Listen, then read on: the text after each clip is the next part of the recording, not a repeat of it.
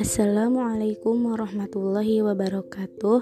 Perkenalkan nama saya Hayuni Gandara Putri Dari UIN Sunan Gunung Jati Bandung Fakultas Terbiah dan Keguruan Jurusan Pendidikan Islam Anak Usia Dini.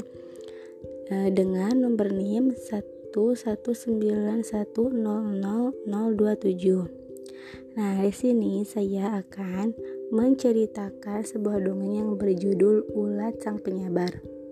Langsung saja ya teman-teman. Pada suatu hari di pagi yang cerah, di suatu kebun milik Patani terdapat seekor semut yang sedang berjalan-jalan. Ia sedang mencari makanan untuk sarapannya pagi ini. Tak berserang lama, ia pun mendapatkan makanan banyak setelah berkeliling di kebun. Wah, rasanya perutku ini mau meledak setelah banyak memakan banyak makanan, ujar sang semut dengan gembira. Di suatu perjalanan menuju ke rumahnya, sang semut melihat seekor ulat gemuk yang hanya terdiam pada sehelai daun dan tidak bisa ke mana-mana. Lalu semut pun menghampiri si ulat itu dan berkata, Haha, kasihan sekali nasibmu, wahai ulat gemuk, ledek si semut. Aku dari pagi sampai siang ini sudah kenyang dan senang mengelilingi kebun ini. Sementara kamu sudah gemuk, tidak bisa ke mana-mana pula. Hahaha. Sang ulat hanya diam dan menerima ejekan dari semut. Sudahlah, aku tidak tega melihat dirimu itu. Aku pergi dulu ya. Goodbye, ejek sang semut dan pergi meninggalkan ulat itu. Pada berikutnya, semut itu seperti mempunyai kebiasaan rutin, yaitu mengejek ulat yang hanya diam tak bisa ke mana-mana. Sudah lima hari ia melakukan kebiasaan itu, dan pada akhirnya pada suatu ketika semut itu hendak melakukan kebiasaannya namun sayang, ulat itu sekarang tak nampak di hadapannya. Wah, ke mana si gendut itu? ujar semut. Lalu ia melihat cangkang yang menyerupai ulat itu di tanah. Wah, jangan-jangan ia mati karena kelaparan. Ha, kasihan sekali nasibnya itu. Lalu semut itu pergi dan setelah berkeliling kebun pertengahan jalan, semut itu melihat kupu-kupu yang sangat indah terbang ke sana kemari. Dan betapa irinya dia dengan keadaannya dibandingkan dengan kupu-kupu itu. Hei kupu-kupu, bisakah kau mengajakku pergi berjalan-jalan mengelilingi dunia ini?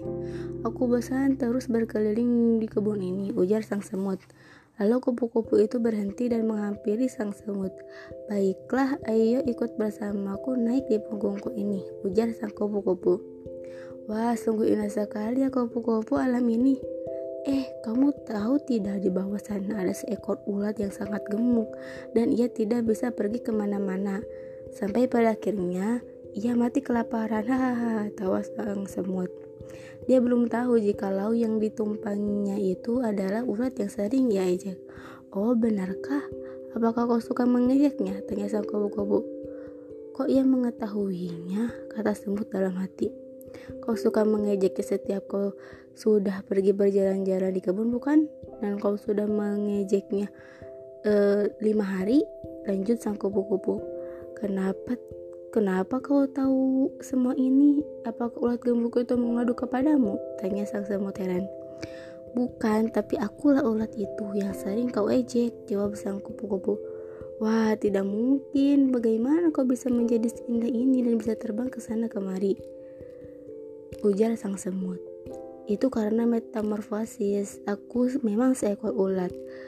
Tapi aku akan menjadi seekor kupu-kupu setelah bermetamorfosis, jelas sang kupu-kupu. Lalu, ke lalu kenapa kau baik hati setelah aku ejek, kau masih bisa mengajakku pergi berjalan-jalan? Itu karena agar kau menyadari bahwa semua makhluk itu jangan mengejek.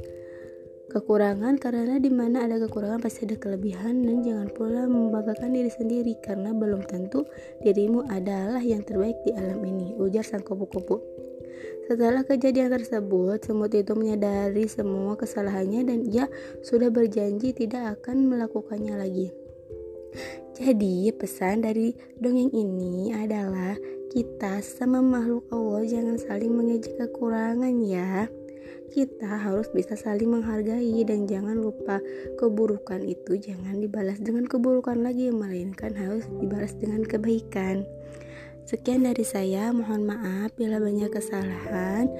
Bila topik wal hidayah wassalamualaikum warahmatullahi wabarakatuh